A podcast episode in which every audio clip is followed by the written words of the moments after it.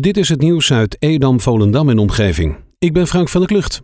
Zeven woningen aan het zuideinde in Volendam zijn gisteren ontruimd vanwege een gesprongen waterleiding. In een paar uur tijd veranderde de straat in een waterplas en moest er gecontroleerd worden of de straat als gevolg van de lekkage niet verzakte. Er wordt al enige tijd gewerkt aan het zuideinde. Vorige week werd er ook al een gasleiding geraakt.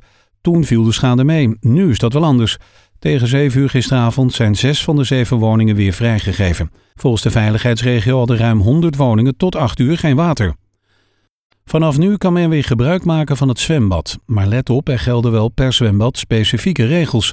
Bij zwembad De Waterdam in Volendam moet je een baan reserveren wil je wat meters maken in het buitenbad.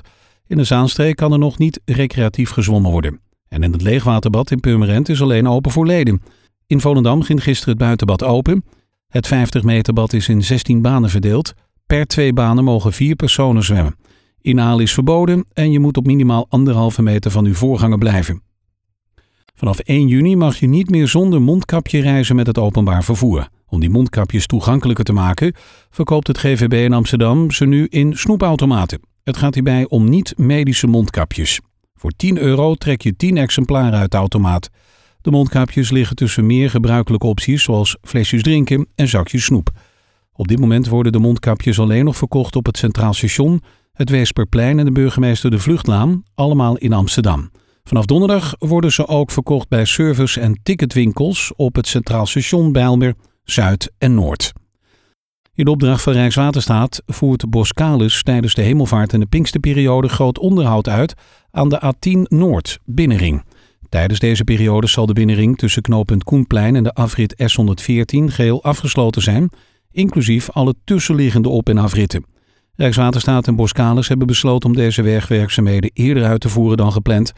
Op het gebied wordt gewerkt volgens de richtlijnen van het RIVM. En dat betekent dat minder mensen en materieel tegelijkertijd op een wegdeel kan worden ingezet. De partijen willen met het eerder uitvoeren van de werkzaamheden voorkomen dat de geplande wegafsluitingen langer gaan duren.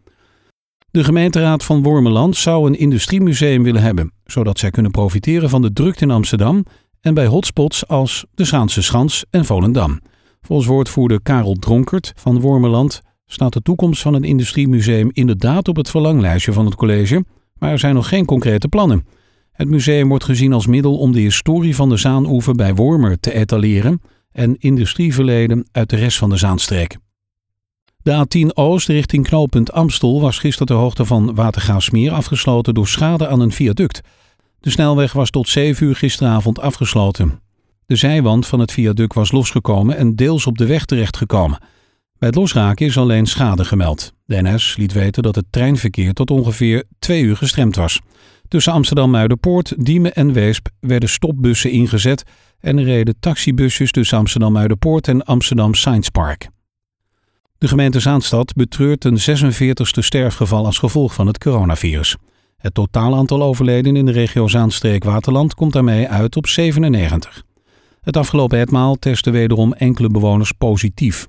In Purmerend overleden tot nu toe 32 inwoners aan het virus, in Wormerland 6 en in de gemeente Waterland 3. Het virus eiste drie levens in Edam, Volendam en Dansmeer, twee in Oostzaan en één in Beemster.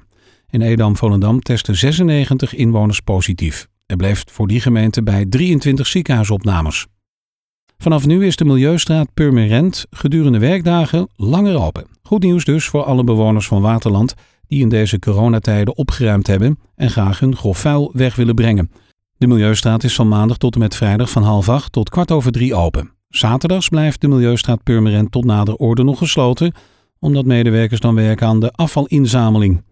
Deze verruiming van de openingstijden is mogelijk omdat het iets rustiger wordt bij de Milieustraat, waardoor de handhaving van de coronamaatregelen voor bezoekers en medewerkers beter te doen is.